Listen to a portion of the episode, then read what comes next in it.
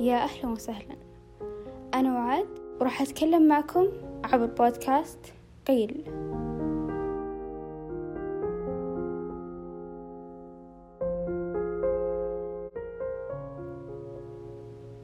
في أول حلقة لي حبيت يكون موضوعنا عن الأفكار لأن الأفكار هي اللي راح تنتج الحلقات القادمة.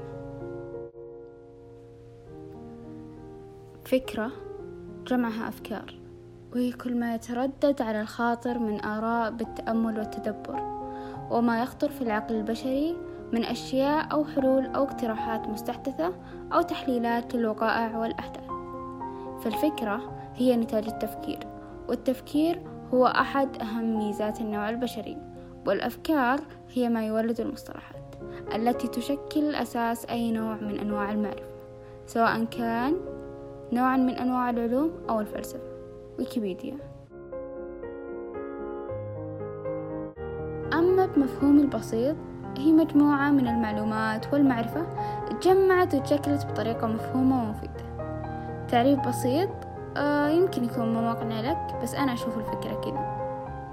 ولاحظوا أني قلت مجموعة من المعلومات والمعرفة. لأن المعلومات لوحدها لا تسمن ولا تغني من جوع. يعني المعرفة هي الرابط بين المعلومات اللي بخليها مفيدة. الفكرة المفيدة هذه ممكن تطلع لك ربح أو أرباح بالأصح. مو بلازم أرباح يمكن خسائر. بس أبشرك ترى في عوائد. ومو لازم تكون الأرباح والخسائر فلوس أو شي ملموس. يمكن محسوس بس ما حد يعرف إنها أرباح وخسائر. ففكرة اختيارك للطريق المختصر بدلا من الطريق الطويل تربحك وقت.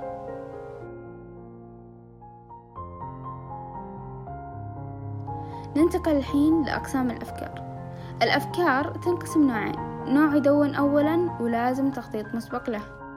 يدونها على ورق أو نوت الجوال أو ممكن تحفظها بعقلك بس ما أنصح بهالطريقة لأن ممكن الفكرة تضيع وسط زحمة عقلك إلا لو كنت بتتذكرها وبتقدر تسردها بهذه الطريقة. لك حق تحفظها بعقلك. ومثل هالأفكار بدأ مشروع جديد السفر وغيرها الكثير وهذه اللي بنتكلم عنها اليوم والنوع الثاني أفكار ما يحتاج تدونها بس طبقها في وقتها وهي عادة تكون أمور يومية هل تتوقعون أفكارنا لو ما دوناها ولا طبقناها تضيع أو تختفي؟ في مقولة كانت في رواية العنكبوت للأديب مصطفى محمود يقول فيها لا شيء يضيع في هذه الدنيا إنما هو يتحول ويتبعثر ويتشتت. وأحسها كانت إجابة منطقية نوعا ما. بس زادتني سؤال كيف شكله لما يتحول أو يتبعثر ويتشتت؟ بعطيكم مثال على المقولة عشان نتعمق شوي. الطاقة قانون حفظ الطاقة يقول الطاقة لا تفنى ولا تستحدث بل تتحول من شكل إلى آخر. ومن الأشكال اللي تتحولها أنها تصير طاقة حرارية وحركية وكيميائية وأشكال أخرى. يعني هي ما زالت طاقة بس فيها تغيير بسيط. كما قيل في الأفكار والطاقة إن كل كلمة وكل فكرة تعد بمثابة طاقة روحية تقوم بتنشيط قوى الحياة في داخلك سواء كانت ذات طبيعة سلبية أو إيجابية. قائل هذه المقولة هو الأستاذ إبراهيم الفقي وترى جميع أنواع الطاقة يمكن تحويلها من شكل لآخر باستخدام أدوات بسيطة أو أحيانا معقدة. وهذا يدل أن أفكارنا للحين أفكار بس ممكن تحولت لأفكار بشكل آخر.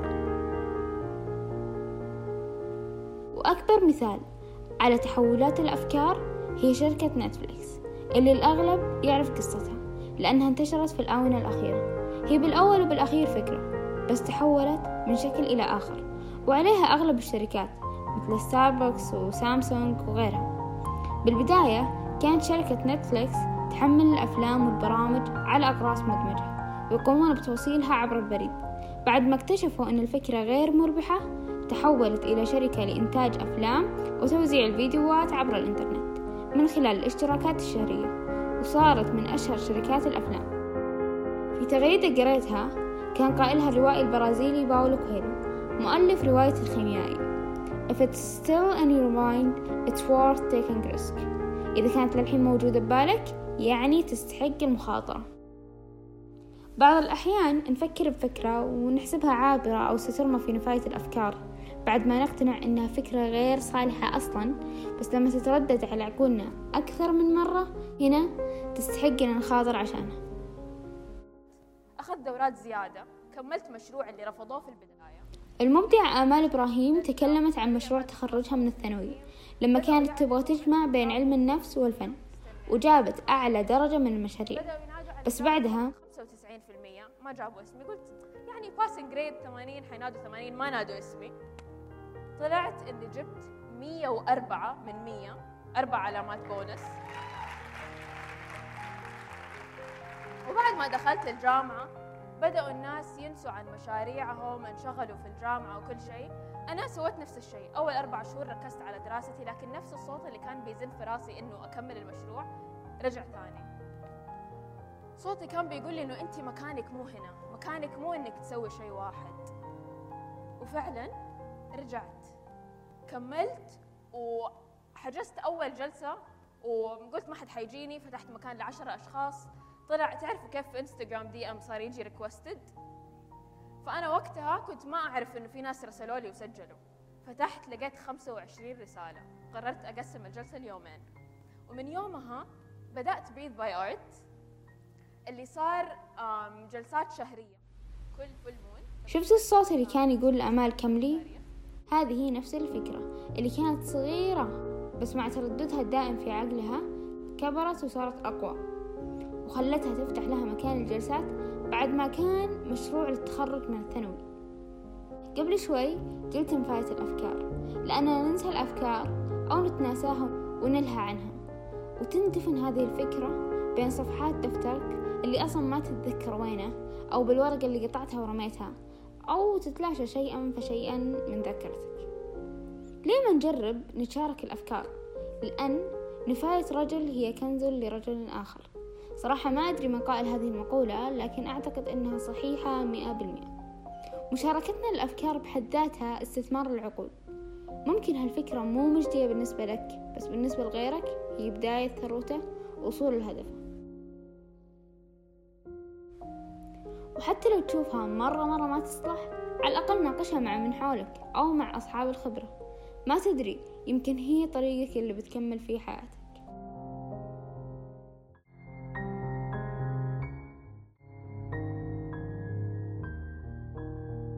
في النهاية أفكارنا هي طاقة متعمقة في داخلنا تنتظر من يحركها ويساعدها على النهوض عشان نستمر في التقدم والتطور.